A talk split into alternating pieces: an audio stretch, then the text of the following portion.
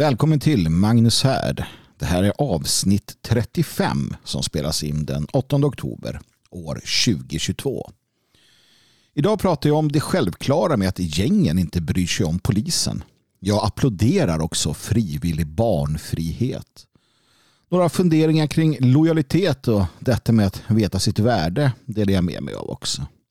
Och jag har även fått ett lyssnarbrev som tar fasta på en viktig sak och ytterligare ett som frågar om människans och rasernas ursprung enligt kristen identitet. Ja, eller sunt förnuft som jag kallar det. Ja, ni hör ju, det finns att prata om. Vraldas frid, nu kör vi.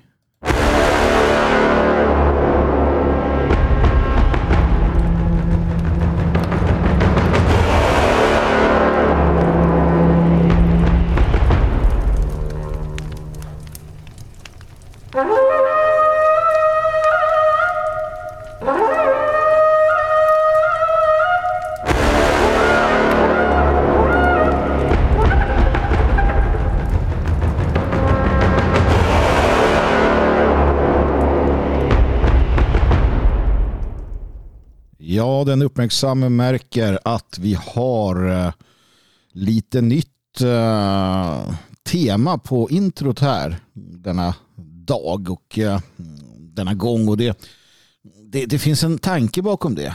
Krigstrummorna har lagts in. Och det har jag gjort för att det har jag gjort för att det, det är dags att det är dags att skruva upp tempot lite grann. Det är dags att förstå att vi lever i den tid vi gör. Jag har varit inne på det många gånger.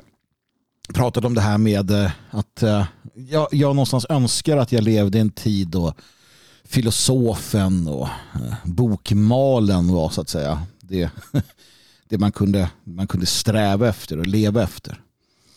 Att de djupa kontemplationerna och meditationerna var, var det som tarvades. Tänk om man bara kunde ägna sig åt att yoga och, och fundera och meditera och och så. Det hade varit trevligt, men det kan man inte. För att vi lever i en tid då krigaren måste åtminstone eh, följa, eh, åtfölja filosofen. Det, och, och, och, solen måste vara eh, solen måste skina varmt. Heta strålar. Det är där vi befinner oss. Och det gör att eh, härden här nu måste ta ett kliv framåt i detta också. Så med det så, så kommer krigstrummorna att leda oss till härden. Och nu är vi där. Och ni är varmt välkomna. Det är fantastiskt att ha er med. Fantastiskt att eh, kunna sända igen. Det kommer inte dröja för länge hoppas jag innan vi kan eh, göra det här lite mer frekvent. Det är jobbigt för mig eh, också. Också säger jag för att jag förutsätter att det är jobbigt för er att inte ha eh, sändningar varje vecka. Eh, jag tror nog att vi ska kunna lösa det här med tiden. Men det återstår att se. Lite sån här, eh, lite så här information, lite formalia innan vi drar igång.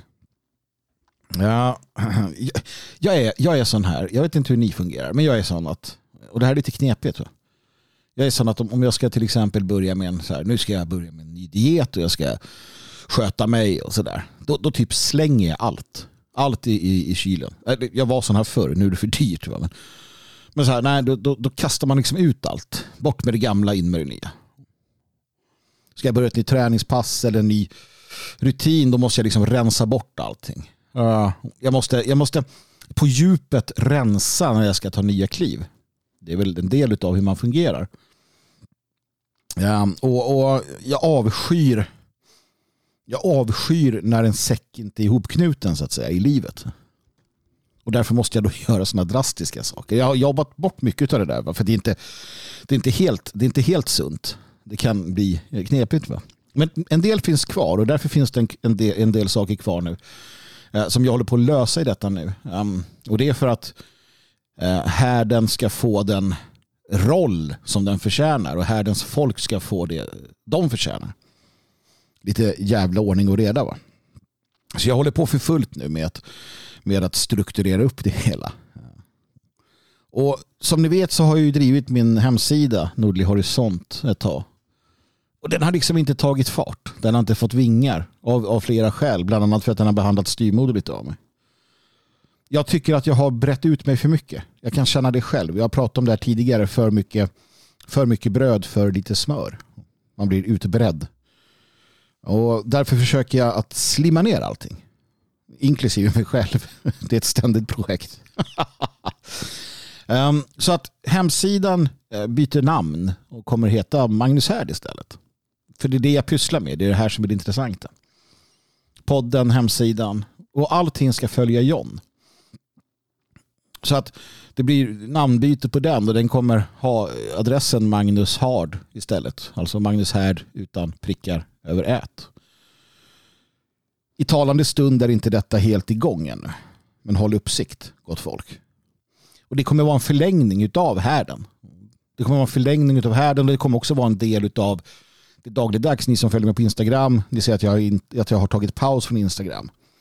Det är för att den typen av eh, den typen av kommunikation ska jag försöka att eh, också då kunna förflytta till, inte förflytta helt och hållet, men, men ha då på hemsidan så att det blir liksom en, en härd på, på riktigt. Det ska samlas. Därför har jag också bytt namn, eller bytt, bytt vad heter det? Mailadress heter det. Till härden. Uh, istället för Magnus Härden är krångliga så heter vi nu Magnus Hard at proton.me. Magnus Härd, alltså fast utan ät, Magnus Hard, snabel proton.me. Jag kommer kolla den gamla också, men den här är den som gäller nu. Så då har vi hemsidan magnushard.se och mejlen magnushard.proton.me. Här ska det knyta säck. ni, ni, märker lite vad jag håller på med. Det här har stört mig. Det har stört mig och, och hur jag fungerar för länge nu. Det får vara det får vara slut på det här. Det får vara slut. Ordning och reda. En annan sak som jag har uh, tänkt, det är att, och det har jag velat göra länge, det är att, att ha lite mer um, stöd, alltså möjligheter för er att stötta ekonomiskt. Det här kostar pengar. Jag gör det här på min fritid. Jag, I den mån jag liksom erkänner mig själv att ha någon fritid. Uh, så, så här ser det ut. Och mitt arbete, det, alltså det som jag så att säga lever på, det är ju det som vi kallar för Radio Svegot. Det är det jobb jag gör tillsammans med Dan Eriksson och Björn Björkqvist. Det är därifrån jag får min utkomst. Ehm, allt arbete för Det fria Sverige, föreningen Det fria Sverige eller därutöver för Logikförlag och för eh, det här jag gör med Magnus Härd varje, varannan vecka numera, men varje vecka i vanliga fall. Det är sånt som jag gör på min fritid. Utöver det eh, som är för, eh, för min utkomst. Och det här får jag ingenting för. Då. Ehm, och, och, och, och, det är inte det att jag liksom det är inte det att jag inte det är inte det att jag klagar va? för att det är en välsignelse att få, få göra det jag gör. Men eh, det jag har kommit fram till är att det vore förnämligt om vi kunde ha ett sätt att, att eh, ni kan stötta projektet men få något för det. För att jag är precis som de flesta andra. Det, det här med att skicka donationer, det, det känns, det blir liksom, nej, man gör inte det, man tänker inte på det. Jag har ju några stycken av er som alltid, alltid hjälper till varje månad lite grann och det, det, det är förnämligt. Jag tackar, jag tackar ödmjukast för detta. Men jag känner också att jag vill binda ihop oss mer tillsammans. Vi har ju den här eh, det här uppkommande, det som uppkommande, varför kan jag inte bara prata svenska som en vanlig människa? Eh, det här som kommer med, med diktsamlingen i Svenskarnas hus, vad det lider, det kommer nog bli i nästa år. Va? För det är för mycket just nu. Det kommer bli varse detta. Det är för mycket just nu, men det kommer. Och jag har fler idéer på hur vi ska binda samman härdens folk. För att det finns någonting här. Det är någonting som händer här ute. Och ett sätt är också då att jag tänker sätta upp en sån här uh, stödbutik eller vad vi ska kalla det för. Så att, så att vi kan så att ni kan i den mån då hjälpa till om ni vill och få något för det. Någonting som också blir en markör. Någonting där vi visar att vi är en del av någonting. Så det kommer komma en, en stödshop här vad det lider. Med, med lite allt möjligt. Och där tänker jag att jag vill engagera er. Vad skulle ni vilja se i en sån? Vilken typ av stödprodukter skulle ni tänka det här, det här vore trevligt? Är det, är det kläder och, och, och kepsar och grejer? Är det nyckelringar? Är det muggar? Är det glas? Är det, eh, snö, är det liksom... Eh, ja, vad, vad, kan man tänka sig vilja ha då på temat Magnus Härd med den nya loggan som kommer och sådär? Det, det, det är det lite som, ja det, det kommer jag byta ut också då så att det blir lite mer unisont. Jag håller på, håller på att forma någonting här så att vi får något, vi bygger något kring det här projektet tillsammans. Vykort kanske är det ni vill ha. Vad, vad kan man tänkas vilja ha? Liksom? Så jag ska sitta och fundera lite på det här och, och komma fram till en del grejer. Men Magnus här kommer, kommer få vingar tror jag. Jag tror att det kommer ta, ta, ta mer plats. Och det är bra för att jag tror vi behöver det här. Det här är ett jättebra komplement för oss som är av samma anda. Jag menar, vi har det fria Sverige, vi har gemenskapen och så. Men, men här gör vi någonting annat. Det blir lite mer så som vi vill ha det. Och vem vet hur vi öppnar upp det här vad det lider. Återigen, ni är varmt, varmt välkomna att skicka in era egna bidrag till härden. Dikter, ljudfiler. När du sjunger, när du, när du eh, ja, läser en dikt. Någonting. Bli delaktig i härden. Du sitter här tillsammans med det pendlar lite olika men, men till sist brukar det vara 800-1200 personer som, som lyssnar på det här. Vi sitter där runt härden. Var delaktig, dela med dig. Och när, när hemsidan är igång då vill jag se att du skickar in teckningar eller målningar eller vad du nu gör. Va? Så att bli delaktig i härden. Bli delaktig i den här skapande processen som vi någonstans kan dela. Härdens folk. Så skriv till magnushard snablaproton.me uh, med vad du tycker att det borde finnas i en sån här shop. Vad, vad, skulle vi kunna, vad skulle vi kunna fylla på med? Har du några idéer? Har du, några, har, har du liksom ritat någon, eller ritat kanske man säger, målat någonting? Har du någon, någonting vi skulle kunna sätta på ett vykort eller en schysst inramad grej? Någonting vi kan, vi kan liksom eh, ha med där i, i stödshoppen så att härdens folk hjälps åt. Ja men gör det, skicka in det till mig och säg den här kanske vi skulle kunna göra någonting med. Ja. Det är så jag vill ha det här. Jag menar, det är ju så att, att av naturliga skäl så är det jag som sitter här och babblar men kring det här vill jag att det samlas någonting. Och det är det på väg att göra. va. Så att eh, kom igen nu. Um, nu. Nu skruvar vi upp det hela. Krigstrummorna eh, slår. det är, det är bistra tider. Men när det är bistra tider det är då världens folk fungerar som bäst. Så, så är det faktiskt.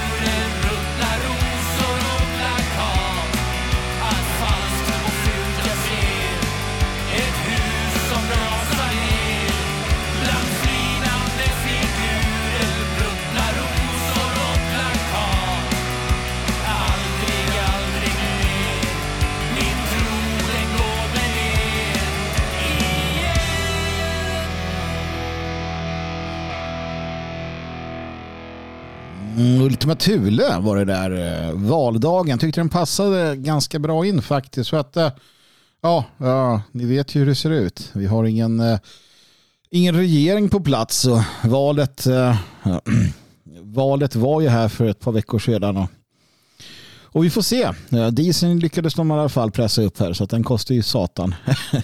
och, och så vidare och så vidare. Vi får se. Vi får se hur det blir. Men eh, en sak är säker. Det är att vi kommer rida ut den här stormen precis som vi har ridit ut så mycket annat genom åren som har varit.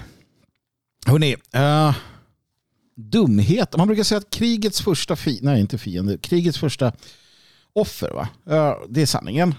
Sanningen går liksom ut uh, när första eh, kulan skjuts. Jag kommer fram till att dumheten är krigets allierad. Och det blev väl tydligt, eh, om inte eh, förr så i natt här, när Krimbron sprängdes.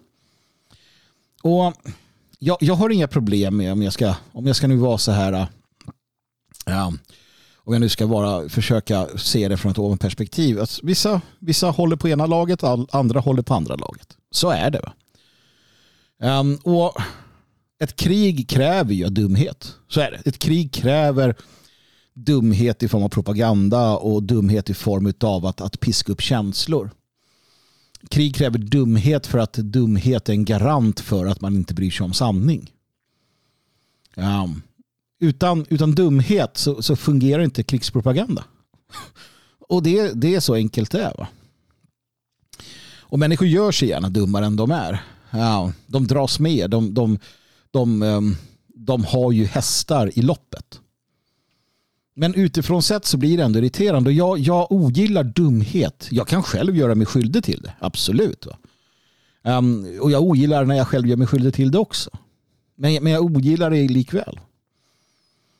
Um, jag, jag, menar, jag har pratat med, med bovar och banditer som ogillar kriminalitet. Och så påpekar man att du är ju de facto bov och bandit själv. Jo, jo visst. Och det är inte så bra. Men Krimbron sprängs upp, eh, sprängs alltså. Um, och jag, jag ser två narrativ då som växer fram. Det ena är att det är, en, eh, att det är Ukraina då som, som slår tillbaka mot ett, ett mål. Ett, ett eh, mål som är viktigt i krigsinsatsen vad det gäller transporter. Och den andra sidan då som säger att eh, titta här, Ukraina, de jävlarna ägnar sig åt statsterrorism.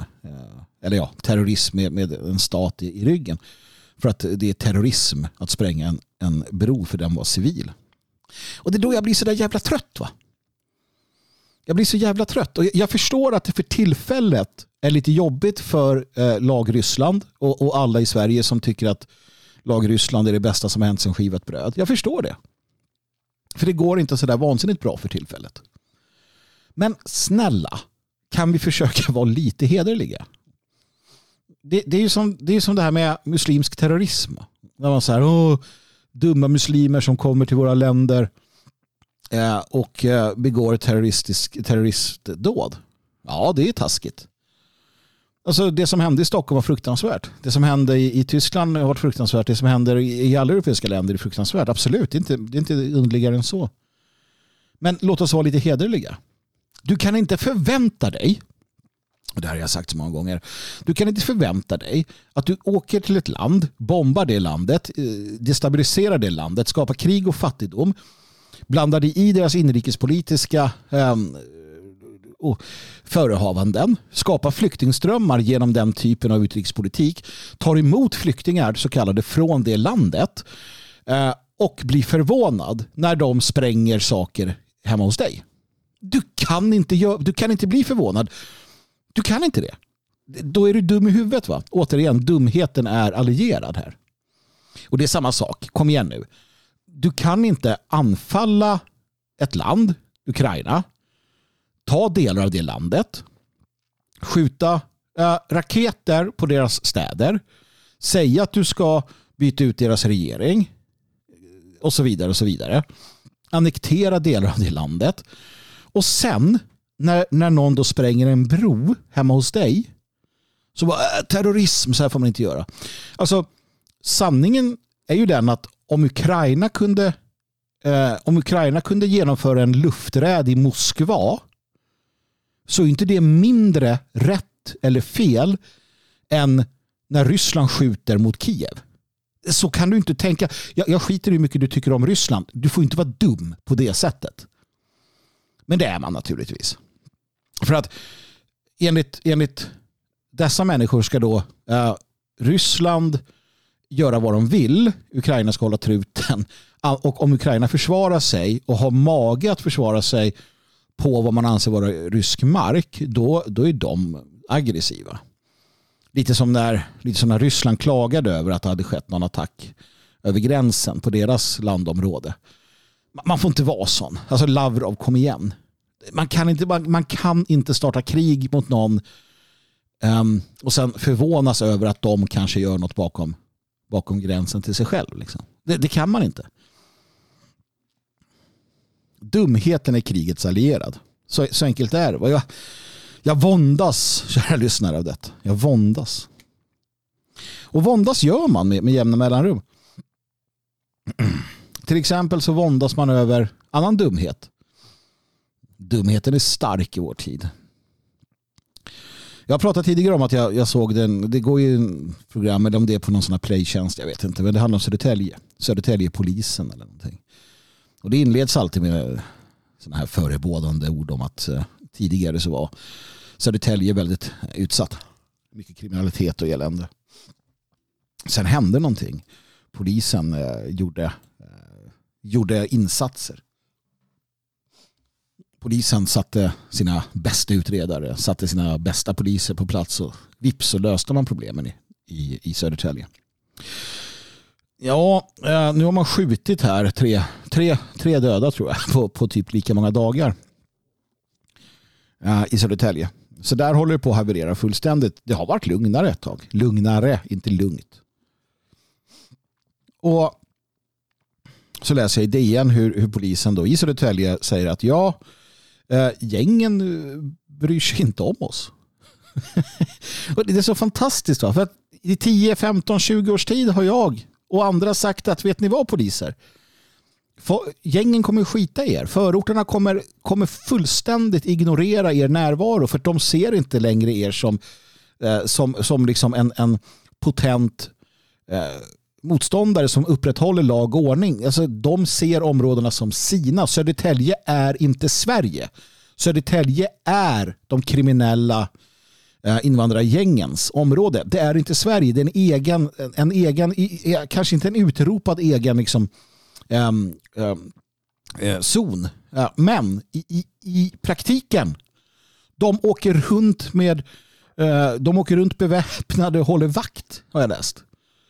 Eh, på sina scooters då eller så. Eh, och, och, polisen har, kan svårligen arbeta. Polisen är där men man fortsätter att, att det, är som, det är liksom som, lika meningslöst som FN-styrkan i vissa länder. När FN står och tittar på medan eh, parterna strider. Nu ska jag inte säga att polisen tittar på, men, men alltså utifrån det perspektiv att de ska göra någonting, utifrån att de ska verka avskräckande. Det är ju en del av polisen. En del av polisens arbete är att vara avskräckande. Det är så att man ser polisbilar och saktar in till exempel. Eller polisnärvaron gör att du inte eh, går ut och ställer till det för dig. Eller för någon annan. Men här säger polisen, gängen bryr sig inte om polisen. Gängen skjuter ihjäl varandra på öppen gata trots att polisen är ett halvt kilometer bort. Man bryr sig inte om, jag såg just en polisbil åka förbi, men jag är beväpnad och skjuter min fiende. Alltså detta, detta är ett monumentalt haveri som, som, som är liksom ständigt pågående. Så står någon, något fruntimmer och säger gängen bryr sig inte om oss. Nej, de gör inte det. Och det beror på er. Alltså, här behöver ingen skugga falla över gängen. Gängen gör vad gängen gör. Um, polisen har förändrats över åren. Och det är också den där frustrationen som kommer in. Då. En förändrad poliskår helt som, som inte kan hantera eh, det, det som händer. Och, och, så är det bara. Återigen, det är bara så. Och, och visst, nu, nu kanske vi får en blågul jag har börjat använda det istället, det är trevligare. En blågul regering här vad det lider. Och det är möjligt att man kommer försöka höja kraven på polisutbildningen, höja standarden och så. Och det tar många år innan de nya poliserna kommer ut. Jag menar, vi har en poliskår som, som är, den är infesterad av vänsteraktivister i allt väsentligt. Vänsterliberala flum, flummare. Det, det är vad det är.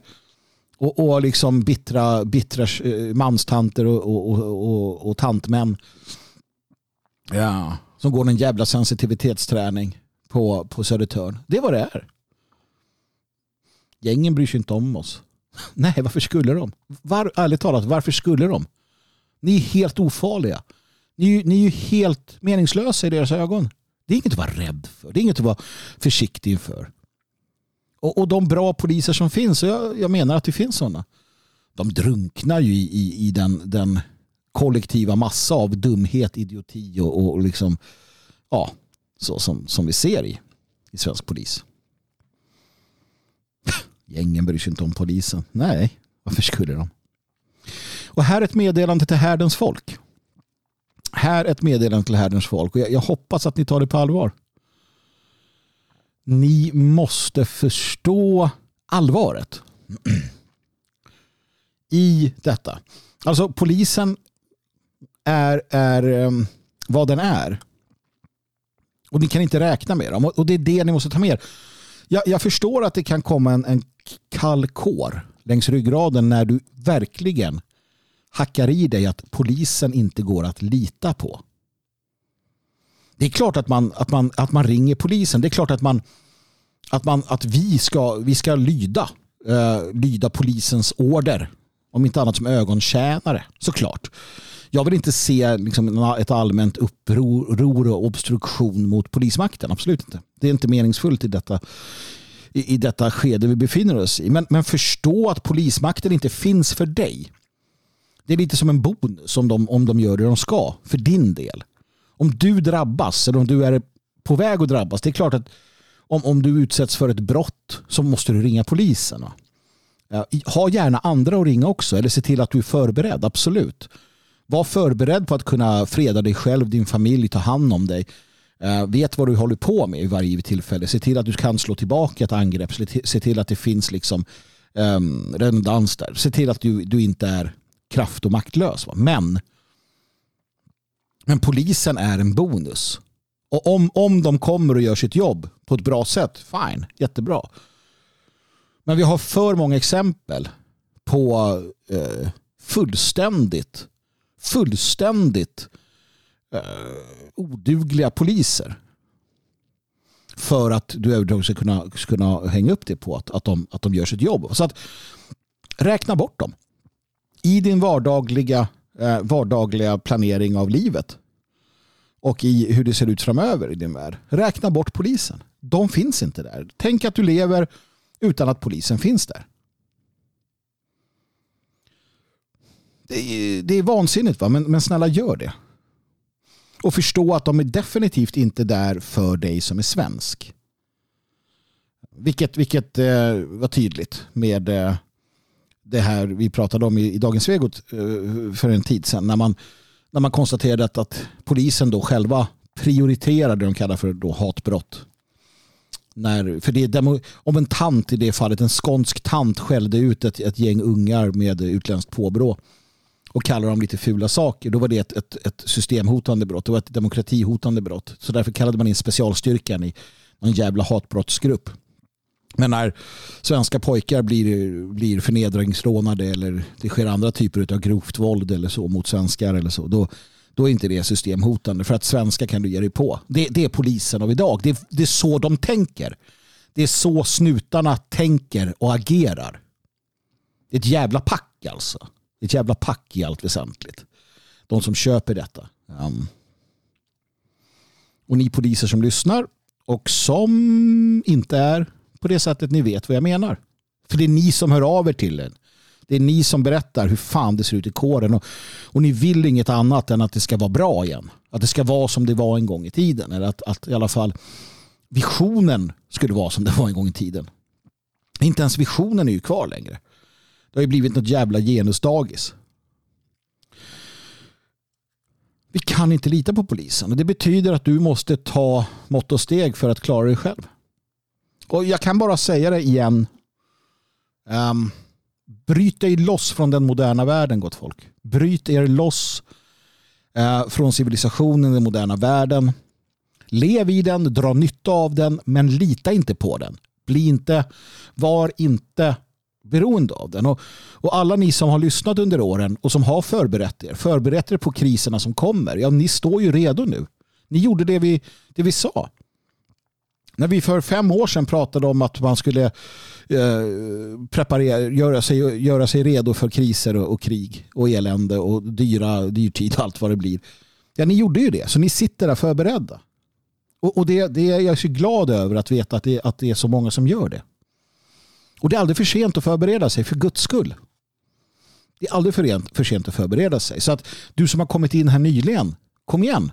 Det, det finns mycket du kan göra. Och en av de sakerna är att, att eh, förstå och planera för att bryta sig loss från civilisationen och den moderna världen. Utnyttja den, använd dig av den, använd av, av alla, bra, alla bra delar av den som finns men, men se till så att, så att du klarar dig.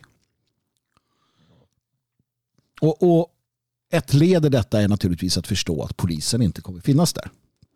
Annat än som en bonus då, om du har tur. Det om det. En annan sak jag vill kommentera, det var något som dök upp här. Det, det är någon serie de har på DN, eller det är inte första gången heller som jag ser dylikt. Ja, och det handlar om, om frivillig barnlöshet, förstår ni. Frivillig barnlöshet. Det verkar vara en liten, en liten obskyr Um, I alla fall hittills som jag sett en liten obskyr rörelse. Säkert kommer den växa som allt annat dårskap i denna tid. Av framförallt kvinnor, yngre och äldre som, som, som går ut med att de, de är frivilligt ba, de är barnfria.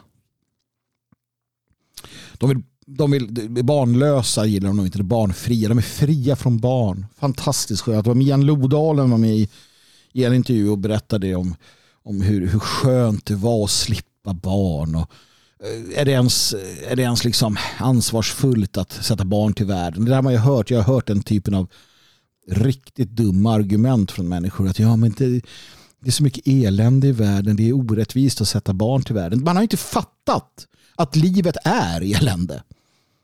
Livet är en räcka av utmaningar, problem, eländen som har små avbrott av lyckliga stunder, eufori, eh, orgasm och, och jävligt, kul, eh, jävligt kul händelser. Men majoriteten av livet är utmaningar och problem och, och så. Det, det är människans lott. Det är det man måste hacka i sig och förstå. Du kan ju inte leva och tro att, och det är det som är problemet med de som har den inställningen. Nej, jag kan inte sätta barn till livet för de kommer få det jobbigt. Ja, det kommer de. Och då sätter du inte barn till världen. Okej, okay. ja ja. Det, det är ditt val. Va? Ja, och, och så fanns det då en hel räcka av andra orsaker till att man inte skaffar barn. Och man hyllar detta då. DN hyllar detta. Det finns, liksom en, det finns en miljöaspekt här. att ja, Det är ju resurser till jorden. Och, ja, det, är bättre att, det är bättre att de fördubblar det är bättre att de fördubblar sig i Afrika än att vita familjer skaffar barn.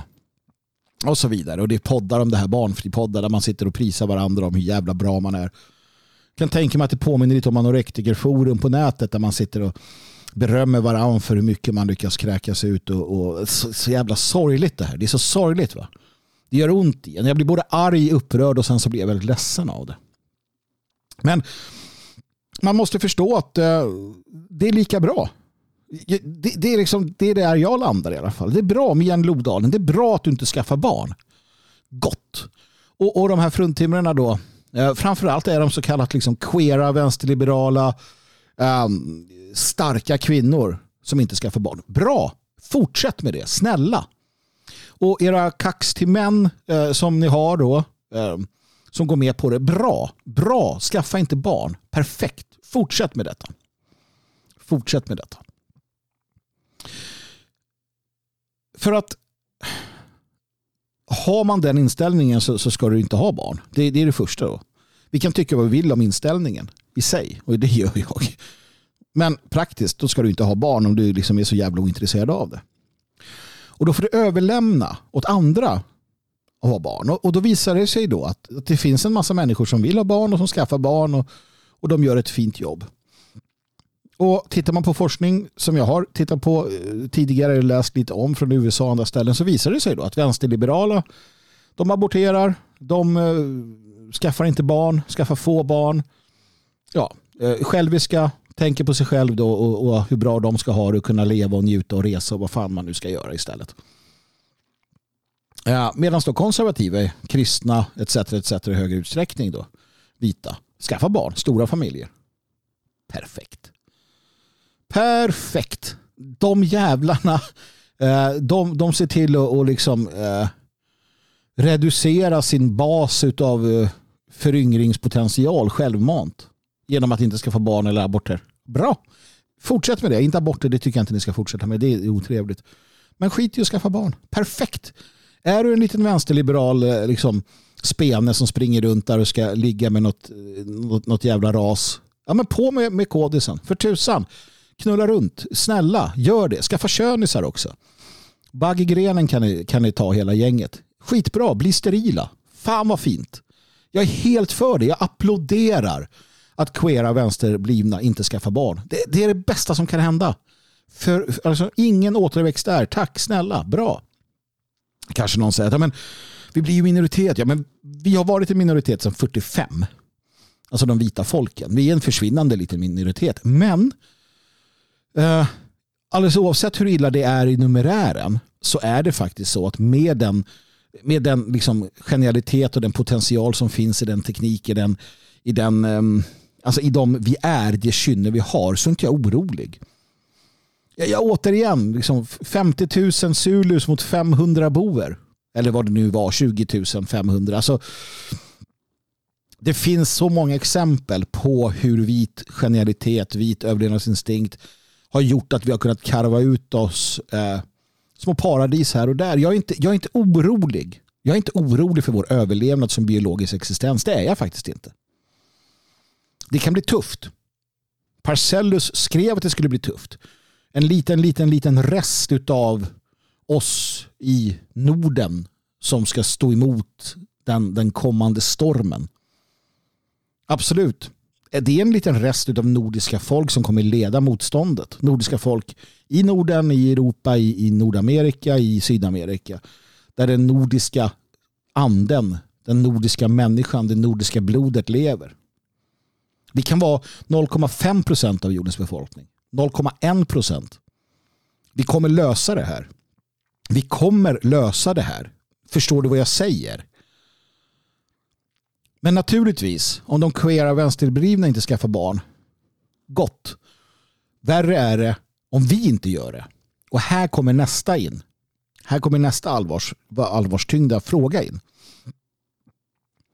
Vi kan inte acceptera att vi, det vill säga vi som är eh, nationalister, vi som har de här, den här förståelsen. Vi kan inte säga att vi inte ska ha barn. Det kan vi inte göra. Är du frisk, är du frisk um, och nationalist, då skaffar du barn. Punkt slut. Och, och, och här måste man ha en medveten strävan och man måste ha en, en, en förmåga att förstå um, vad, vad, vad ens plikt är. För att det du vill och känner och tycker i detta nu är inte alltid så jävla viktigt. va? Är du en ung man eller ung kvinna eller för den delen en äldre man och lite äldre kvinna men som fortfarande liksom känner att man, man, man klarar av det. Ja, då är det barn som gäller. Och det är inte det att, att man behöver ha fem, tio ungar utan det handlar om att man har möjligheten. Du har möjligheten att uppfostra dem på ett bra sätt. Du har fantastiska möjligheter att ge dina barn en, en, en bra grund att stå på. Nej, det handlar inte om att du ska ha en massa pengar. Sluta tänk i de banorna. Sluta tänk på det materiella. Det är inte det det handlar om. Det handlar om kontext. Det handlar om hur de växer upp tillsammans med vilka. Nej, slå undan de här, de här funderingarna du har. Och, och, och ärligt talat, jag har ingen partner att skaffa barn med. Nej, då får du anstränga dig lite. Jag förstår att som man kan det vara lite problematiskt um, att, att hitta någon. Det är ju det är ju så numerären ser ut. Men att som kvinna säga att du har problem att hitta en, en, en uh, man i den nationella sfären. Nej, det har du inte. Jag lovar. Uh, gör dig tillgänglig så blir du huggsexa. Du kan välja och vraka. Och jag menar, det är så världen ser ut och det är så naturlig selektion ser ut. Det finns inga ursäkter. Jag är inte redo. Nej, varför inte?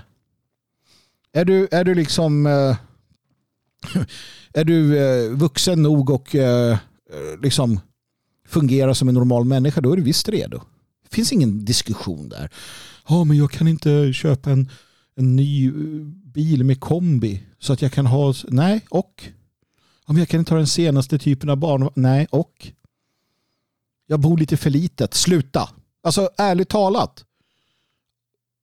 Den typen av eh, den typen av resonemang det duger inte bara. Punkt slut, det duger inte. Så sluta bara med det. För att det är en sak att de vänsterblivna queera tokstollarna inte skaffar barn. Det är en helt annan sak om, om sådana som vi eh, inte gör det. Det är inte acceptabelt.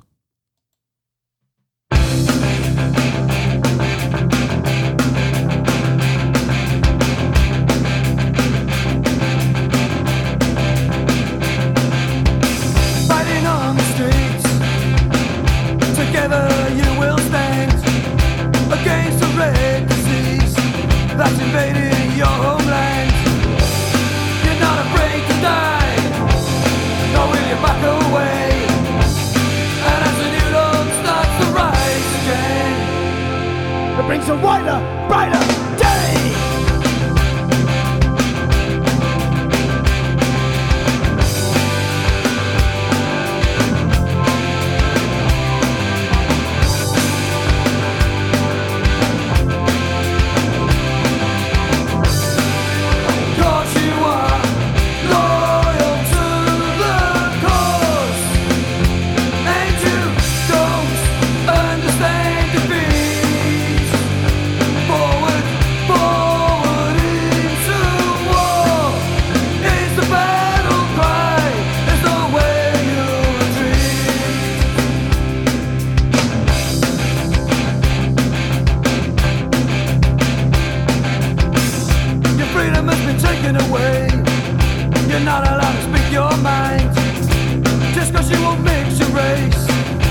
what accuser your own guy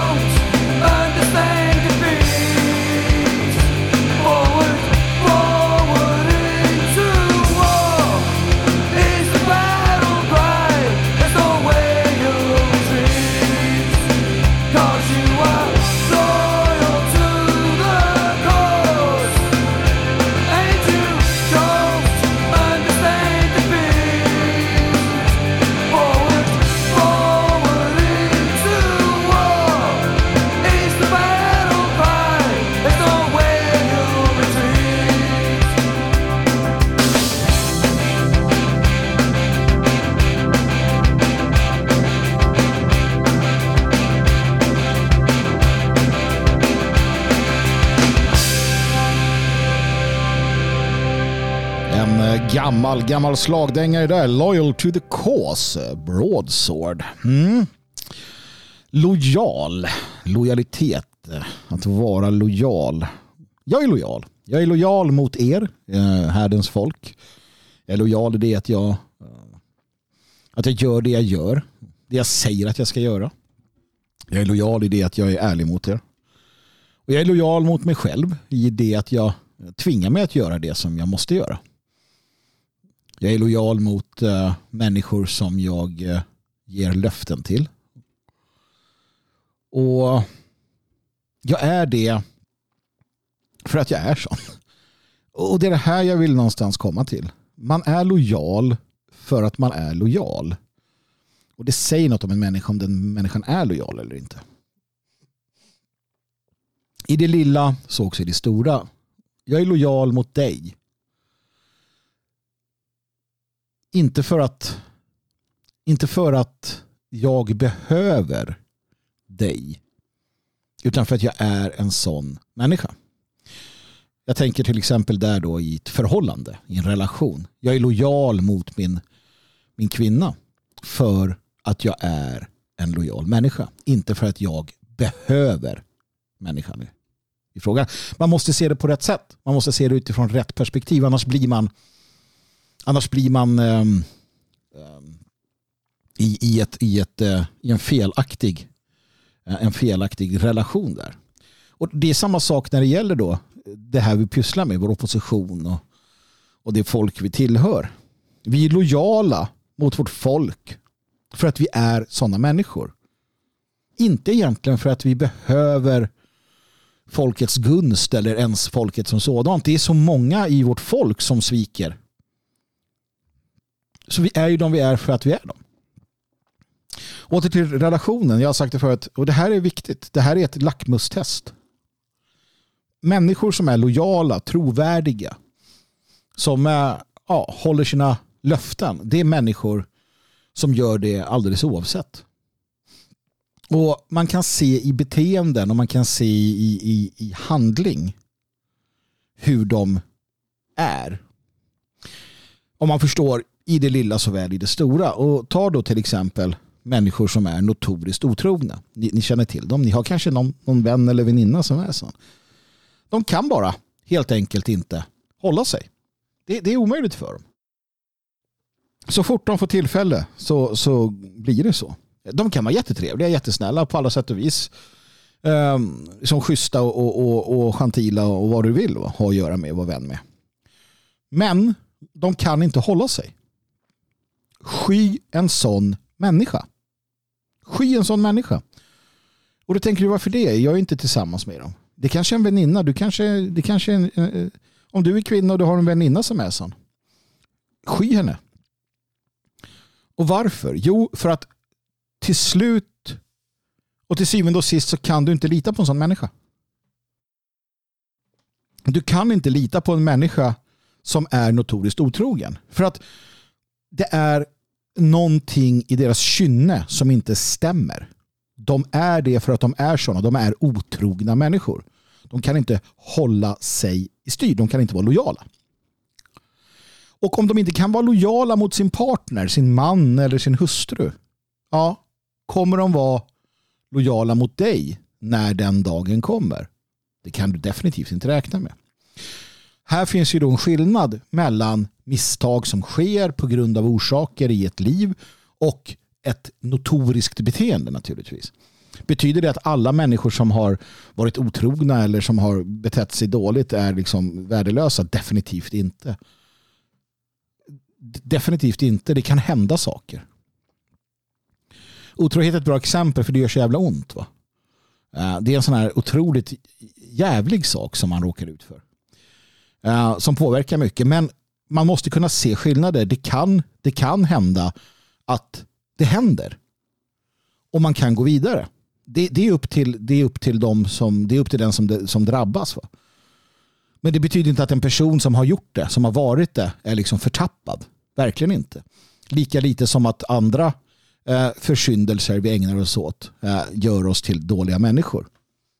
Allt handlar om kontext. Allt handlar om upprepning. Det finns ju en sanning i att vi säger en gång ingen gång, eller hur? Det är för att en gång är egentligen ingen gång när det kommer till vardagligheter. En gång, ingen gång, två gånger, då börjar det bli problematiskt. Om och om och om igen, ja då har vi ett mönster. Och det ska man akta sig för.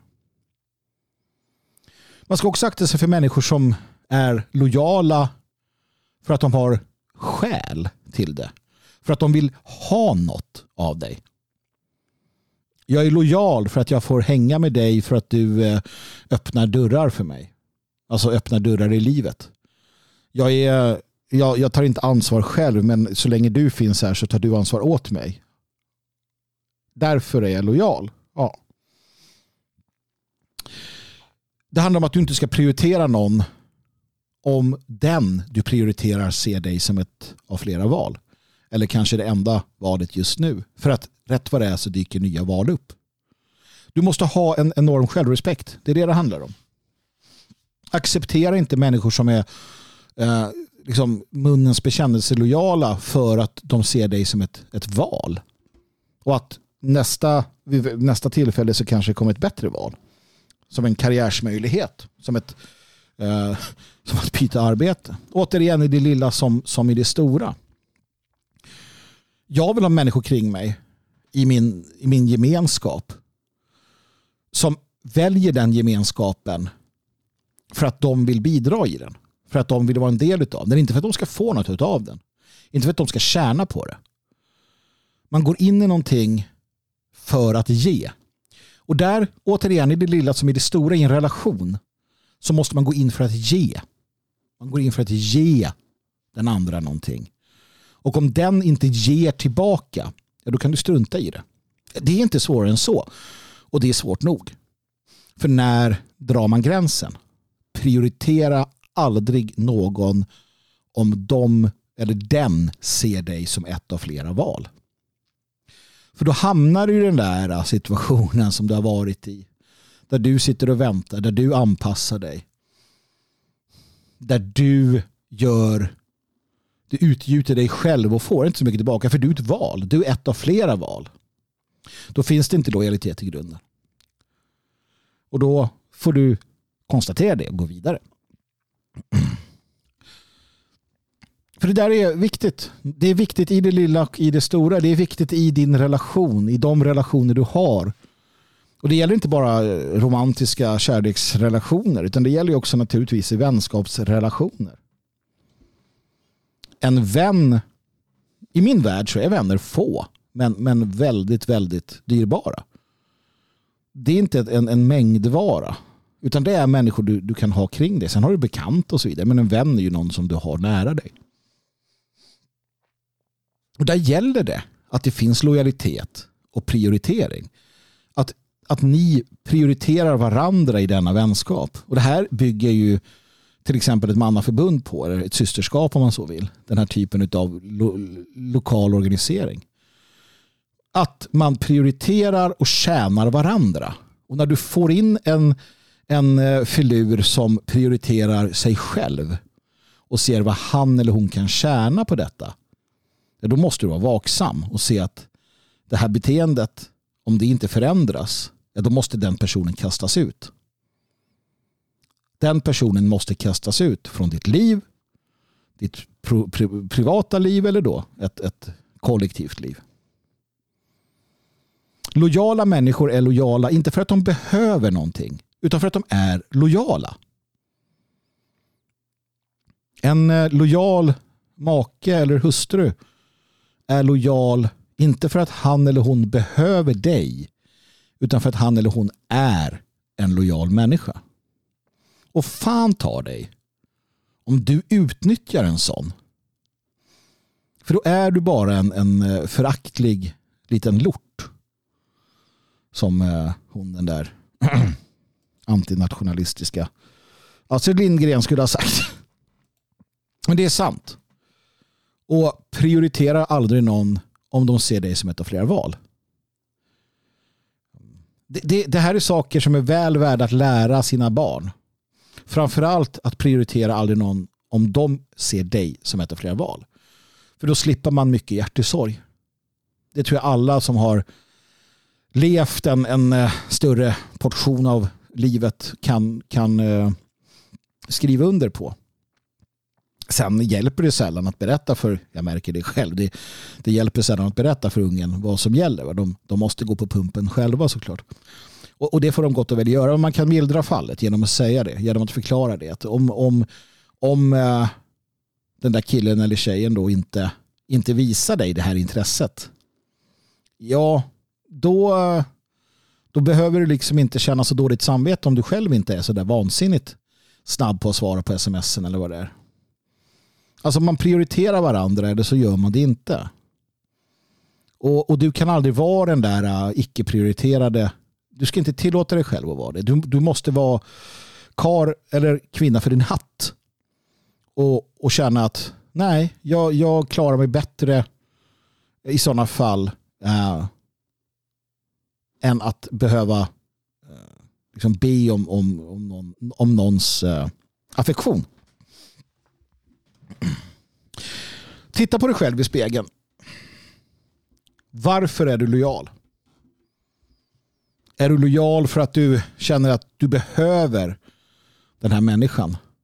Eller den här, äh, vad det nu kan tänkas vara. Är det det du har gått in i detta? Har du gått in i din, äh, din, ditt sociala, din sociala gemenskap eller ditt förhållande för att du behöver någonting? Då tycker jag att du ska ta och fundera över vilken typ av människa du är egentligen. För att eh, i grund och botten så kan det bli problematiskt. För då står du dig själv närmast. Och det, det må vara delvis naturligt att man gör det. Men det är någonting som vi som är högre livsformer måste, måste ta itu med. Vi eh, ska hänge oss åt varandra i relationen och i, i gemenskapen. Vi ska vara varandras tjänare. Det är en grundläggande västerländsk civilisatorisk eh, liksom, eh, idé. Något som Ayn Rand, den eh, trötta judinnan, tyckte var fruktansvärt. Hon menade att allting skulle göras för att man tjänar något på det. Det är en materiell inställning, materialistisk. Jag har en andlig inställning. Där går du in för att tjäna. I en relation där mannen och hustrun tjänar varandra så är det en relation som man tjänar varandra och prioriterar varandra. Då har du en relation som kommer att hålla över tid. Punkt slut. Men om bara en prioriterar, om bara en tjänar och den andra inte har detta i sig, då faller det pladask. Så, var lojal för att du är en lojal människa. Inte för att du behöver vara det på grund av orsaker. Och är du en människa som inte har det där i dig, ja, håll dig gärna lite borta. Och två, prioritera aldrig någon om den personen ser dig som ett av flera val. Ägna inte för mycket tid och känslor åt någon som bara ser dig som ett av flera val. Det är det lite tankar jag haft kring de här sakerna.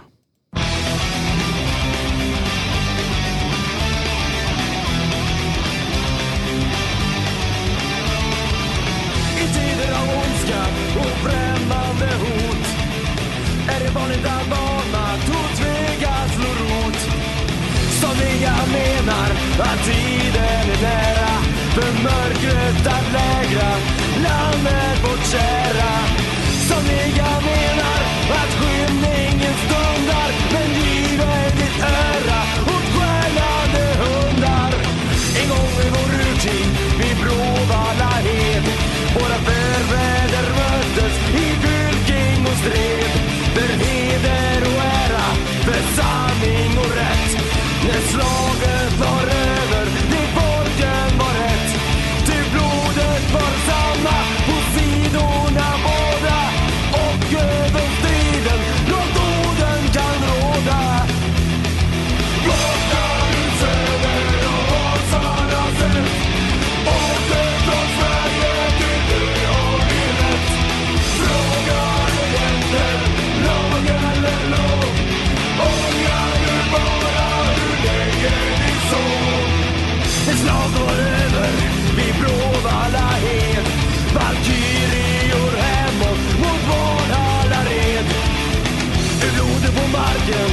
kämparna dött. Växte vårt släkte, Sverige var fött. Nationen och folket är samma som då.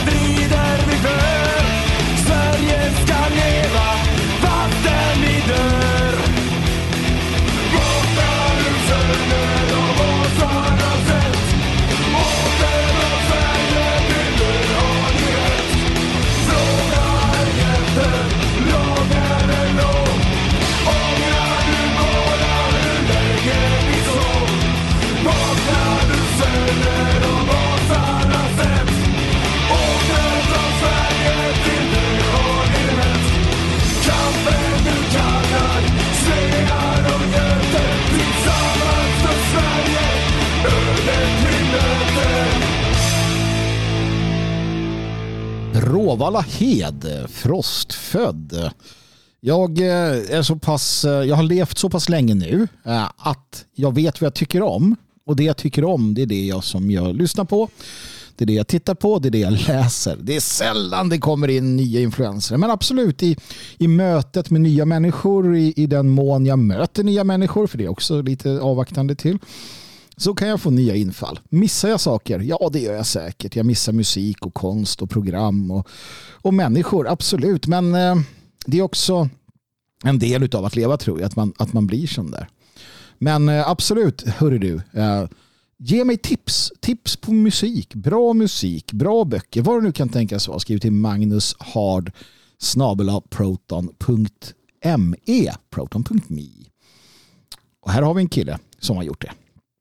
Hej, Magnus skriver han. Jag fastnade med en vanligt för det du och Björn pratade om i dagens Svegot den eh, 30 i nionde. Då pratade vi om eh, slöjdläraren i Kanada. Är han our guy eller inte? Han med de enorma tuttarna. Han med de enorma tuttarna. En slöjdlärare i Kanada har enorma tuttar. Eh, som han har hängt på sig i någon form av... Ja men det är så sjukt. Va? Um, ehm, så han har dem och går runt och, och kallar sig tjej numera. Eh, på ett sätt som är liksom absurt. Och enligt vissa då så, så har han tidigare blivit varnad för att han har fällt kommentarer eh, anti-voka kommentarer. Och att han då på något sätt ger igen genom att göra det här så bisarrt det bara är möjligt och hänger på sig alltså, tuttar som ja, de är så stora så att eh, man får ryggskador av dem och, och, och kallar sig numera kvinna. Då. För enligt, uh, jag tror det är Alberta, enligt lagen där så måste då skolan eh, bejaka hans eh, könsidentitet och skolan har ju då sagt att vi eh, står bakom den här eh, kvinnan, den här enormt stortuttade kvinnans um, tokerier. De säger inte tokerier naturligtvis. Så det här, det här pratade vi om då, för vi, vi diskuterade huruvida vi kan trolla systemet. Och det är det här som brevskrivaren är inne på. Att man kan göra motstånd mot systemet roligt. Det ska vara gott att leva. Det ska vara roligt att vara nationell. Amen. Amen. Amen. Vi ska tänka positivt. Ehm, vi, ska, vi ska kämpa för ett sundare land på alla lagliga sätt. Men det behöver aldrig kännas, det behöver inte alltid kännas som att den här plikten vi gör då är i motvind. Vi kan göra roliga saker, li mjugg över hela samhällsexperimentet. Amen, amen, amen. Personligen, skriver han, har jag hävdat i många år nu att jag är en lesbisk kvinna i en stolt mans kropp. Bra! Han skriver vidare, jag var även den första på jobbet med att kräva att det installerades en hemtoalett med mera, med mera. Eh, han fortsätter, jag älskar sådana här miniattacker som är harmlösa men ändå svettiga för PK-människor som inte vet hur de ska hantera dessa situationer. Eh, det är kul att se hur långt man kan dra den här dumheten. Vi behöver alla ljusglimtar och glädjeämnen vi kan få. Och där skriver han också att vi, han är tacksam för att vi då i, i dagens Svegot, och delvis här kanske, jag vet inte, eh, blandar politik och humor. Eh, man, man pallar liksom inte med att bara lyssna på allt negativt. Och att vi har en bra balans, framförallt Dagens Svegot. Gå in på svegot.se om du inte känner till programmet. Vardagliga sändningar som jag, Dan Eriksson och Björn Björkqvist har. Eh, det här är ett, det här är ett, ett, ett, ett, ehm, ett skolexempel på hur jag tänker och, och lite av det som jag vill förmedla. Just det här absurditeten i systemet ska användas mot dem. Ehm, jag, jag ägnade många, många år åt att, att vara väldigt rigoröst seriös. Det fick liksom inte, det skulle vara hårt, det skulle vara fyrkantigt och det skulle vara kampen liksom utifrån en sån här uh, väldigt ortodox syn. Uh, och det är inget fel med det. Grunden måste alltid vara den idealistiska uh, stenhårda järnviljan, förståelsen för att till sist så är det, det finns ett allvar här bakom. Det finns ett allvar där du kan behöva där du kan vara där, där det kan tarvas att du offrar allt. Det är så allvarligt. I grund och botten så är det så allvarligt att det handlar om liv och död, det handlar om civilisationers kamp. Det handlar om väldigt, väldigt allvarliga saker. Det måste du förstå. Men när du har det klart så behöver du inte älta detta. Det är grunden vi står på. Jag, jag, kräver att härdens folk, den som ska vara en del av härdens folk måste förstå att det i grund och botten är en strid på liv och död. Det är det det handlar om. En vacker dag så kan du, eh, så kan, så kan du behöva vara tvungen att offra allt. låt det sjunka in. Det här är ingen jävla lek. Det är inte hehe och hepp hepp. Men när det ligger klart, när det är grunden, när den grunden är lagd, ja men då kan vi bygga lustiga huset om vi vill. Och, och det är det här vi ska göra. Um, varför inte? Kan vi trolla bort systemet? Jag tror det, till del. Kräv absurda saker. Häng på dig jättepattar och gå till jobbet och säg till chefen, du, eh, vet du vad? Jag, jag har kommit fram till att, att jag heter Elisabeth. Och att jag eh, är äntligen fri från det patriarkala, den patriarkala besattheten jag haft.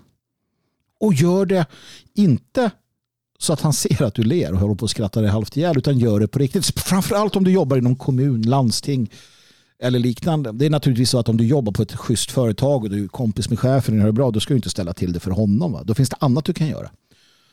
Vi har det här klassiska att börja, börja bråka om att du minsann ska få eh, bada och duscha i, i killarnas eller tjejernas på, på badhuset. Va?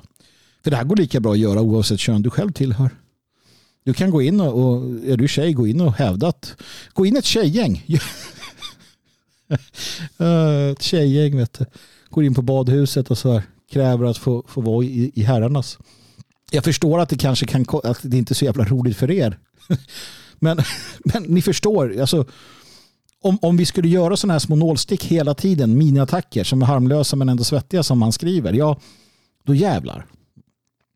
Eh, skulle det ske på bred front? Tänk om tiotusentals människor i sin vardag, ja, barn i skolan, eh, liksom börjar ägna sig åt det här. Och bara, hallå, vart är mitt, eh, mitt eh, jag vill ha en kattlåda för att jag identifierar mig som katt. Alltså bara ställer orimliga krav. Hur länge klarar de av detta? För någonstans så har vi blivit vana. Vi har blivit vana vid könsbyteriet och vi har blivit vana med så mycket tok. Men vad händer om, om, om man skulle lämna in kränkthet? Om du jobbar på, inte vet jag, kör bil eller du jobbar på posten. Om du varje dag lämnar in en ny kränkthetsanmälan mot, mot eh, liksom, företaget. Du blev kränkt för att det var kallt i bilen, för att du identifierade dig. Jag vet inte, va? men ni förstår vad jag är ute efter. Eller om du går i skolan och känner, du känner dig kränkt av lärarna hela tiden. Varje dag, varje lektion så kränks du. Du kränks för att de för att de säger någonting som är läskigt. På historien så berättar de om läskigt krig. Nej, usch, det här klarar du inte av. Eller, eller bara det att, du, att de säger att, att du måste liksom plugga för att, eh, inte vet jag, verkliga världen. Alltså, bli snöflingor. Alltså, iklä er en, en, en dräkt av snöflinga och gå till attack. Gå till attack mot systemet. Hela tiden. Uh, det, det, skulle, det skulle få effekt. Eh, garanterat. Om inte annat skulle man bli så jävla trött på detta. Och vi måste tänka så. Vi måste tänka på det här sättet. Bland annat för att det är kul. Det är roligare. Är du ett litet gäng, har ni lite spex i er, ja vad fan, då finns det ju verkligen möjligheter. Um, finns ju verkligen möjligheter. Och, och, ja, är du lite om det och kring dig så, um, så, så är det inga, inga problem. Så att gör gärna det. Jag vill gärna att du hör av dig med alla typer av motståndshandlingar du gör. Jag vill berätta historier här i härden. Jag vill lyfta um, den här lilla berättelsen. Skriv det, ett halvt A4. Berätta vad du har gjort till magnushard.proton.me. at proton.me. Berätta om dina motståndshandlingar. För att nu sker det också. Jag, jag, läser det lite här och där och jag hör det lite här och där. Framförallt verkar ungdomarna ha vaknat till liv igen. För det härjas en del i svenska skolor har jag fått veta. Eh, både via inofficiella kontakter men jag läste lite lärare som, som ondgjorde sig på någon sociala medier över att nu, nu heilades det och klottrades eh, i det fallet hakors och grejer på, på skolor och, och, och det var allmänt, allmänt sådär eh, roligt. Och det är roligt. För att återigen, en heilning, en, en uppsträckt högerarm, ett hakkors, det är en idag, precis som när jag var ung, det är en, en rebellisk handling. Det är ett finger, ett långfinger i liksom, ögat på ett system man känner sig som man kvävs av. Ett system som inte bekräftar att jag är svensk, jag finns och jag råkar illa ut i det här jävla systemet. De gör samma dumma misstag nu som de gjorde när jag var grabb. Och det är faktiskt så. Ha, hade. Och, och jag, fick tid, jag, jag, fick möjlighet att reflektera över det här när jag var med i den här äh, dokumentären Fiender ibland oss. Eller omgivna av fiender eller vad fan den hette. Ja, då vi pratade en hel del och det kom ju inte med. Vi hade flera timmars intervjuer. Fantastiskt bra tyckte jag det var. Det tog de inte med naturligtvis. Det var inte intressant kanske. Eh, men det jag pratar om, min egen uh, radikalisering, om vi ska kalla det för det, kan vi göra. Från då um, tonåren, tidiga tonåren och framåt. Och, och, när jag själv reflekterat över detta så inser jag det att hade, hade jag bemötts med respekt, hade man lyssnat på vad jag säger, hade man tagit det på allvar och inte sagt att jag är ondska, inte sagt att, att det är mitt fel, att jag måste anpassa mig till utlänningarna och så vidare. och så vidare. Vilket man gjorde. Hade man gjort annorlunda då hade jag nog inte så att säga då hade jag nog inte hamnat i de miljöerna jag hamnade i. För det vart ju så. När man råkade illa ut, man hade en Sverigeflagga och, och, och skulle få liksom, uh, lida pin för det. När man såg hur, hur kamrater böjde ner huvudet eh, av rädsla för en liten grupp eh, utlänningar som hamnade på skolan. Och man fick konstant höra att vi var tvungna att anpassa oss för att de hade det dåligt och de hade det jobbigt. Hos många av oss väckte det en rebellisk anda som fick uttryck i att vi la till oss med hakkors och ja, Sig Heil-hälsningar som ett jävla långfinger mot alla de här svinen som jävlades med oss. Mot vuxenvärlden som inte brydde sig. Och det här händer nu igen. Och, och det, det, kan säkert vara så att det sker i, i uh, skenet av att Sverigedemokraterna har fått så pass mycket inflytande efter, efter valet som var. Att en, en, en ny generation känner att okej, okay, vi har lite medvind, det finns lite som händer här, nu jävlar. Jag hoppas det, jag, jag, jag är för det, jag underblåser detta. Jag tycker det är bra. Jag vill se mer av den varan. Jag vill se mer av att ungdomar tröttnar på den här skiten. Jag vill se fler EPA-traktorer med svenska flaggor som åker runt. Jag vill se mer av den varan. Jag vill se en, ett kader och det här vill jag ska skilja från när jag var ung. Jag vill se en massa 40, 50 och 60-åringar som står där bredvid och är redo att hjälpa till. Som står där och säger att vi har er rygg grabbar och tjejer. För det hade inte jag. För den generationen, när jag var i den åldern, de sket fullständigt i oss. I allt väsentligt. Men nu finns det en massa svenska nationalister i min ålder. Och fan ta er. Fan ta er om ni sviker de unga generationerna som, som jag blev sviken. Nåväl, det sker motståndshandlingar. Det, det, finns en, det finns något som bubblar under ytan. Så är det bara. Och, och det sker av sig självt i den tid vi lever i det, det, det, förstår man om man tittar på hur eh, votanmedvetenheten eh, ehm, hur den besätter ett folk under vissa, under vissa när det är på ett visst sätt och så vidare. Så att det finns mycket här. Och det ska vi definitivt eh, det ska vi definitivt jobba vidare på. Och som sagt, skriv till Magnus Hard at proton.me Magnus Hard at proton.me alltså. Eh, och berätta om era små motståndshandlingar i vardagen. Låt oss dela med oss av detta. Låt mig ha möjligheten att, att läsa upp och berätta vidare om vad du har gjort och vad ni gör. Ung som gammal. Ehm, och, och, och, uppmuntra varandra att göra den här typen av nålsticksaktioner, mina attacker. Inom lagens råmärken men driv jäck med detta system. Driv jäck med den den galenskap som de har skapat och låt dem få äta de sura jävla frukterna utav det samhälle de så gärna vill ha. Sinners in the hands of an angry God. Lord I know I'm one. Sinners in the hands of an angry God. Right here under the sun. Wrath is gonna fall.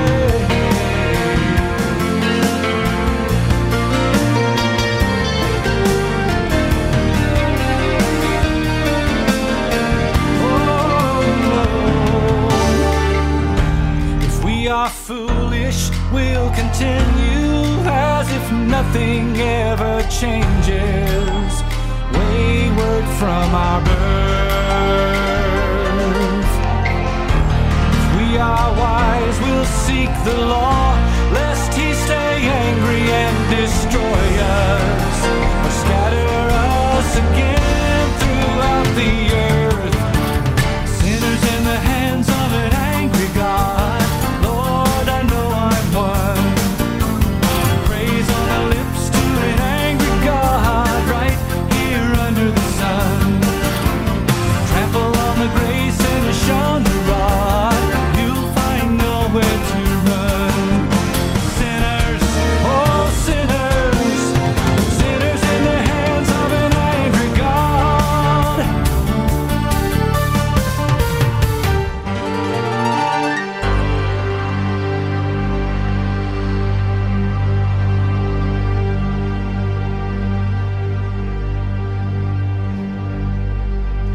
Till dig, allfader Gud och tack för att du gav oss Jonathan David Brown här i formen av The Nazarite.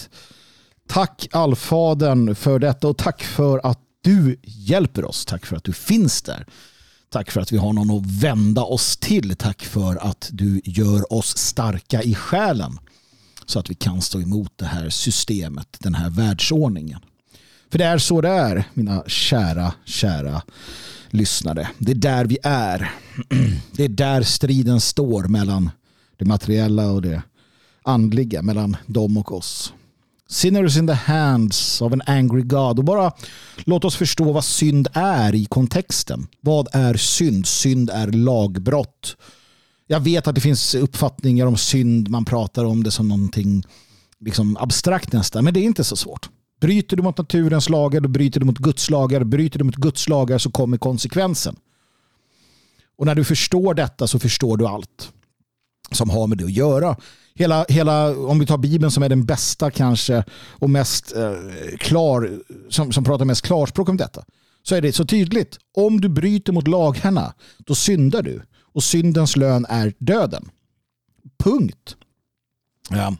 Och när man förstår det så förstår man liksom relationerna. Man förstår att eh, när, när man i myten och i det abstrakta talar om att Guds folk bröt mot det och det och då blev Gud arg och straffade dem. Så det det handlar om är ju naturligtvis så att allfader Gud, vår fader har satt igång processer. Han har gett oss ett ramverk att leva inom. Och han har på så många tydliga sätt och i så många av våra ariska rasreligioner förklarat det för oss. Gör si, gör inte så. Gör vi ändå så så kommer det drabba oss illa. Det är grunden. 90 procent av Bibeln, 95 procent av Bibeln handlar inte om din personliga frälsning. Det handlar om hur man styr en nation, hur man, hur man ser till så att en ras blir mäktig att göra det den ska. Och det där går igen. Gud är Gud är den som skapar de här kärlen. Det är krukmakaren som skapar oss som krukor eh, med innehållet att, att utföra den vilja som är. Och den vilja är att vara den här världens trädgårdsmästare. Det är varför vi är här. Det är det vi gör här.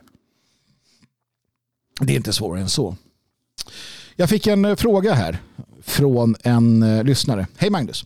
Jag undrar lite kring människans ursprung, i synnerhet de mänskliga rasernas ursprung. Den identitetskristna hållningen är att Adam och Eva var vita. Eh, Adam är ett annat ord för rodnad, om jag inte missminner mig. Betyder det då att afrikaner, asiater och araber utvecklades från vita eller skapades de separat av Gud? Och i så fall var, och när skapades de? I Eden eller utanför? Var det Adam som fick ge namn åt dem så som han namngav de andra livsformerna? Fantastiskt intressant fråga. Jag har dragit lite på att svara på den för att jag hade, Eh, den, den kräver sina funderingar. Och jag vill eh, ge ett bra svar. Eh. Och det ska jag göra nu. Så bra jag kan i alla fall. Det finns, det, det finns flera olika funderingar kring detta. Jag vill att vi bara enas först om att det, du kan, man kan inte ta det som står eh, ordagrant. Det går inte. Ehm, för att det blir knepigt. Va? Utan, utan vi måste förstå eh, vår ras eh, religioner. Och menar jag vår ras religioner, de olika eh, som finns, måste förstå dem allegoriskt och symboliskt och, och, och, på de sätten. Och så måste man kunna lägga ihop dem. Man måste kunna se, se man måste ja, liksom kunna se likheter. Så vidare. Så vidare. Och jag menar att just eh, den kristna tron som den gestaltar sig sen Kristus tid och den identitetskristna då, tron med eh, det gamla testamentet, den, den ger ganska bra, det är väldigt bra. Um, väldigt bra orientering kring, kring den myt som vår hela ras behöver bygga på och åter, återerövra som sin. Sen finns det lite olika teorier kring det här med, med människornas ursprung. Då. Men en sak är säker och det är att vi är inte dem.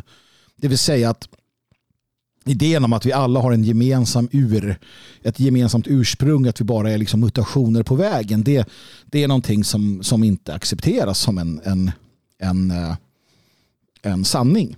Utan det är någonting som den onde, vår fiende, har planterat i oss för att så att säga undergräva eh, behovet av en förståelse för det unika. Och det gäller då alla raser. Alla raser måste förstå att de i sig i skapelsen är unika och har sin så att säga uppgift.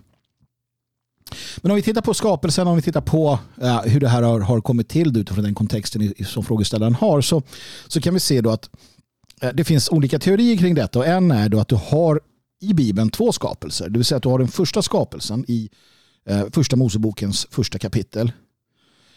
För att den skiljer sig, ordalydelserna skiljer sig lite grann från den och, och eh, eh, den andra skapelsen i, i andra kapitlet.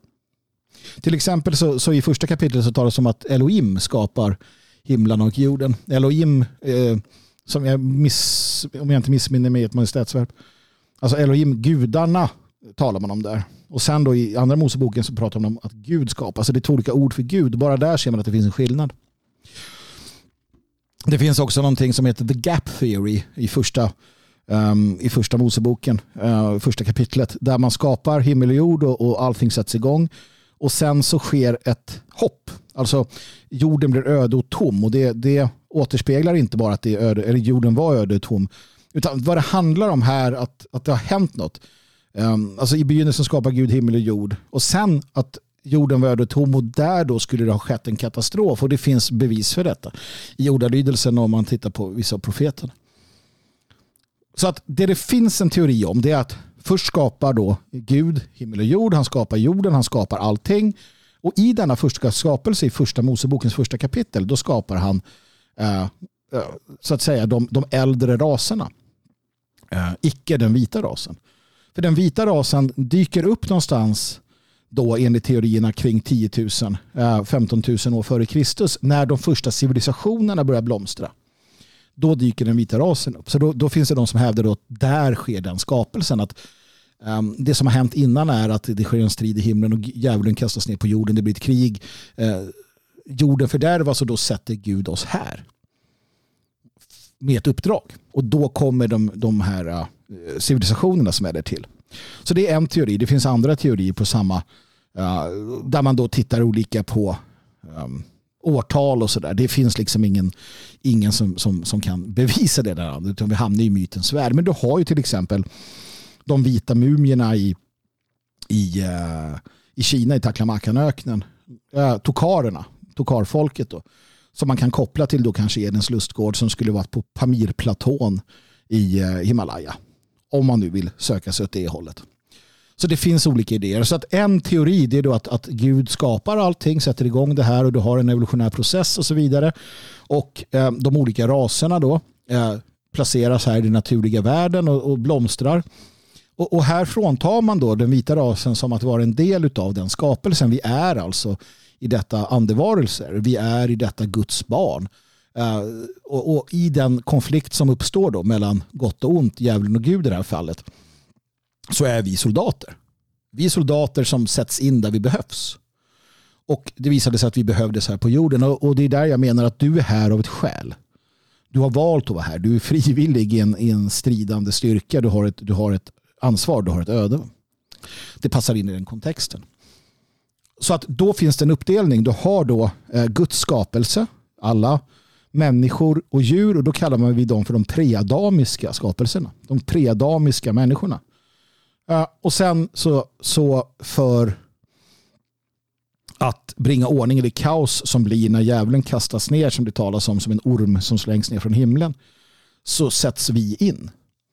Och vi sätts in då som, som uh, uh, människor i, i, den, i den, alltså skapade av Gud med inblåsta med Guds ande. För att de första människorna som skapas blir inte inblåsta med Guds ande på samma sätt. Och, och det finns intressanta stöd för det här i Bibeln. Eh, till exempel hur Gud uppenbarligen i, i många passager använder olika ord. Han, han talar, um, nu har jag inte det i huvudet, men till exempel så talar han i, i, i samma mening om att han, han, han ser Uh, han noterar vad Enos gör men han ser och känner vad Adam gör. Adam är då inte Adam-namn utan Adam som mycket riktigt brevskrivaren skriver handlar om då ett annat ord för människa. Att kunna visa blod i ansiktet, att kunna rådna vilket då eh, teorin säger handlar om den vita rasen för det är den enda ras som kan rådna. Visa blod i ansiktet. Eh, och då, då ser man då en skillnad mellan Enors som är skapad. Alltså det är en, en, en eh, det, det, är beteckningen på en människa eh, som då inte är som Adam. Alltså man skiljer på Enors och Adam. Som har två typer av människor. En som Gud känner identifikation med som är liksom hans barn och en som är en del av den naturliga världen. Då menar man att de predamiska raserna det är Enors. Och de, de ska respekteras, de har en plats att fylla, de är en del av skapelsen. Eh, och de ska också dyrka Gud naturligtvis och göra sitt. Men att då Adam har en annan position. De är utvalda av Gud, det är Guds barn ehm, med ett uppdrag och det är att bekämpa, inte Enors, utan att bekämpa Satans säd på jorden. Vi kan ta det vid ett senare tillfälle. Så där har du den. Sen har du andra teorier som till exempel att i första Moseboken så skapas Adam och Eva, alltså som det ska vara, alltså människor och så. För det är först i andra Mosebok, eller i andra kapitlet i första Mosebok som man pratar om Adam och Eva. Innan det pratar man om människor. Så det är lite sådär olika. Men där finns det då en teori som säger att man, man skapar då människorna och människorna är Adam. För att det kan man tyda på när man läser översättningarna, vad ordet betyder. Men att då markens djur, i, för det är det man talar om också, då, markens djur, att Gud skapar markens djur, att i markens djur så ingår övriga människor. Och att man skiljer det på det sättet. Och det finns stöd för det också. Egentligen finns det stöd för både Enors, Adam och att det finns markens djur som är människoliknande varelser. För att vid flera tillfällen så används ordet då shayei, eh, hebreiska shayei för markens djur eller djur. Men i kontexten som att till exempel att, eh, och då kan översättningen vara att eh, shayei sträcker sina händer mot himlen och tillber Gud. Ropar efter Gud. Vilket djur har då händer som de sträcker mot himlen och kan verbalt tillbe Gud. Ja, enligt Bibeln så är det shayei, det är ett djur som inte då klassificeras som människa. Men den har i alla fall kognitiva funktioner för detta. Vilka är det? Ja, det får väl vara upp till var och en att fundera kring det här. Men vad man då kan se när man börjar lägga pussel är att det finns då Adam, den, ada, ada, alltså den adamitiska människan. Det finns Enosh, en preadamitisk människa. Och det finns inom ramen för djurriket, Shayei, markens djur, så finns det eh, djur som har förmågan att sträcka sig mot himlen, att tillbe Gud, att förstå intellektuellt konceptet Gud och som har händer. Och allt det här finns om du då tittar på de hebreiska orden och du lägger ett pussel. Men du måste läsa de hebreiska orden. Du måste översätta de grundläggande hebreiska orden. För att till exempel så översätts Enosh och Adam som människa konstant i, i vår bibel. Det kanske ska finnas en distinktion här. Så att här följer myten. Och det är det här, vi vet inte. Eh, det här är eh, berättelser från förr som har väglett oss. Och vi vet ju inte. Och det är samma sak med, med eh, antropologin, med vetenskapen eh, vad har man hittat? Vad har man inte hittat? Hur styrt är det? Hur styrt är det inte? Uh, vi vet att man diskuterar den här, heter han Kennewick-människan i USA? Vad är det? Vem är det? De, de här mumierna som jag pratade om i Kina, tokarerna, uh, kinesiska staten höll det här väldigt hemligt väldigt länge. Vad är det egentligen? Vad har vi för bevis? När dök... Alltså, vi tar så mycket för självklart. Jag är inte så säker på att allting vi lär oss är så jävla självklart. Och därför så, så följer jag gärna John med, med sådana storheter som Carl Jung och andra som just tittar på eh, att myten i många fall är sannare än sanningen. I det att sanningen kan vara tillrättalagd. Så vad säger myten? Vad säger vår religion? Vad säger din intuition i din gemenskap med blodsminnet? Vad säger det, allt detta i, i eh, jämförelse med den vetenskap vi har och de upptäckter som har kommit? Det är där vi lägger pusslet. Och I grund och botten så, så är det en tro det handlar om här. Myten och tron. Men det spelar ingen roll heller. För det är intressant det här att det för 10 000 år sedan ungefär någonstans där dök upp alla de här civilisationerna, Katalhöjuk och, och allt vad de heter, där det bara boom, exploderar. Det, det, blir som en, det blir som en explosion av, av civilisation. Det bara pff, händer. Man kopplar i vissa fall, du talar om Eden här, Eden, var det Shangri-La? Eh, Shambhala, var det, var, det, mm, var, det, var det Atlantis, var det Hyperborea, var det liksom något sånt? Var det Doggerland här utanför Doggerland utanför um, Eh, eller den här sjunkna kontinenten Storbritannien som band samman Storbritannien, fastlandet, eh, Sverige och, och uh, Danmark och så. Som vi vet har liksom funnits där, Doggerland. Var det det? När hände detta 8-10 000 år sedan? Vad, vad är det som gör att civilisationen exploderar då? Det är sådana frågor som, som liksom, vi måste titta på myterna, vi måste titta på religionerna. Vi måste våga kontemplera. Du måste, kära, kära brevskrivare och kära lyssnare, sätta dig ner. Du behöver inte ha benen i kors, men sätt dig ner. Meditera. Vänd dig inåt, lyssna på blodet. Stäng bort allt annat. Låt intuitionen tala till dig. Är du vit så tillhör du eh, så tillhör du ett, en ras som är en historia och ett blodsminne. Du har blodet i dig. Du har liksom det här där redo att, att ge dig svar.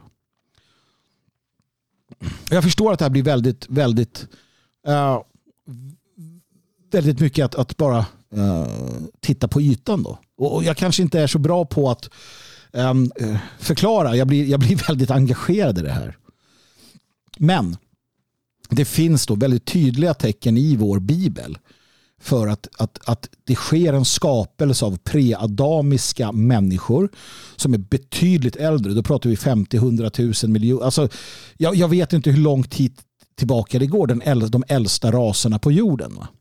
Att det finns de äldsta raserna på jorden och sen har du då Adam som skapas specifikt för att vara trädgårdsmästarna som sätts på jorden efter att upproret i himlen har varit med ett uppdrag. Uppdraget är att utföra Guds vilja på jorden, att strida mot eh, kaoset, ondskan, mörkret, det materialistiska. Och den striden är vi en del av. Och att det därtill då också finns människoliknande varelser som egentligen ska klassificeras inom, inom gruppen Shai, markens djur. Och det är den klassiska identitetskristna eh, uppfattningen. Och jag har för många, många år sedan ägnat mig bland annat åt att skriva ner allt det här och skickat runt frågorna med bibliska kommentarer och funderingar och översättningar till i princip samtliga, eh, samtliga religiösa eh, större organisationer i Sverige. Frikyrkor, pastorer, Svenska kyrkan, katolska kyrkan med frågor om Shai, med frågor om Enors, med frågor om Adam, med frågor om detta Ehm, det var ett ganska, en ganska intressant bibba jag skickade ut. Jag fick inte ett enda svar. Jag fick inte ett enda svar. Det jag vet är att den här myten stämmer väl överens med om många andra av vårt folks myter. Och den övertygelse jag har, den tror jag har om att vi är här med ett syfte. Du är här, ett för att du har valt det, två med ett syfte. Sen är det inte en, en ortodox eh, bokstavstroende tro och det, det är nu jag då blir kallad antikrist av många kristna och kristen av många hedningar. Utan det är i synergierna, det är i förståelsen av vårt arv och vårt öde som de här sakerna kommer. Det är då som vi så att säga får eh, insikterna och det är då som vi får eh, förståelsen för, för det här vi håller på med helt enkelt. Jag hoppas att du har fått något svar på din fråga. Eh, du är välkommen naturligtvis att ställa frågor igen. Skriv till Magnus Hard eh, snabelaproton.me så kommer jag att svara så gott jag kan.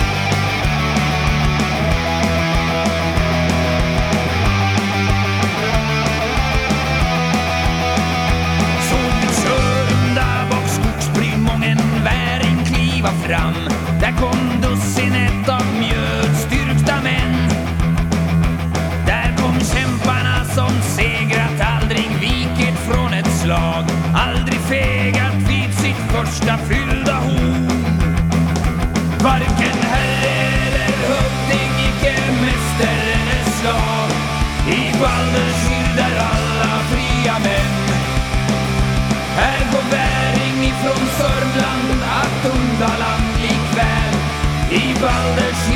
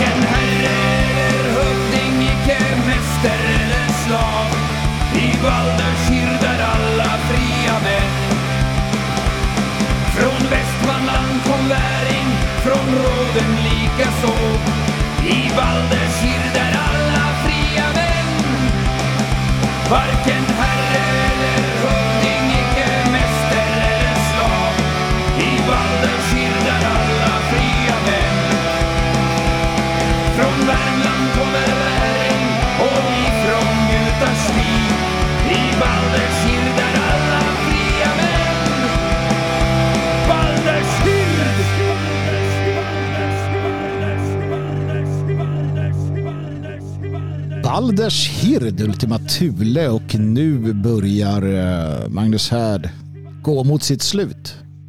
Suttit snart i två timmar såg jag.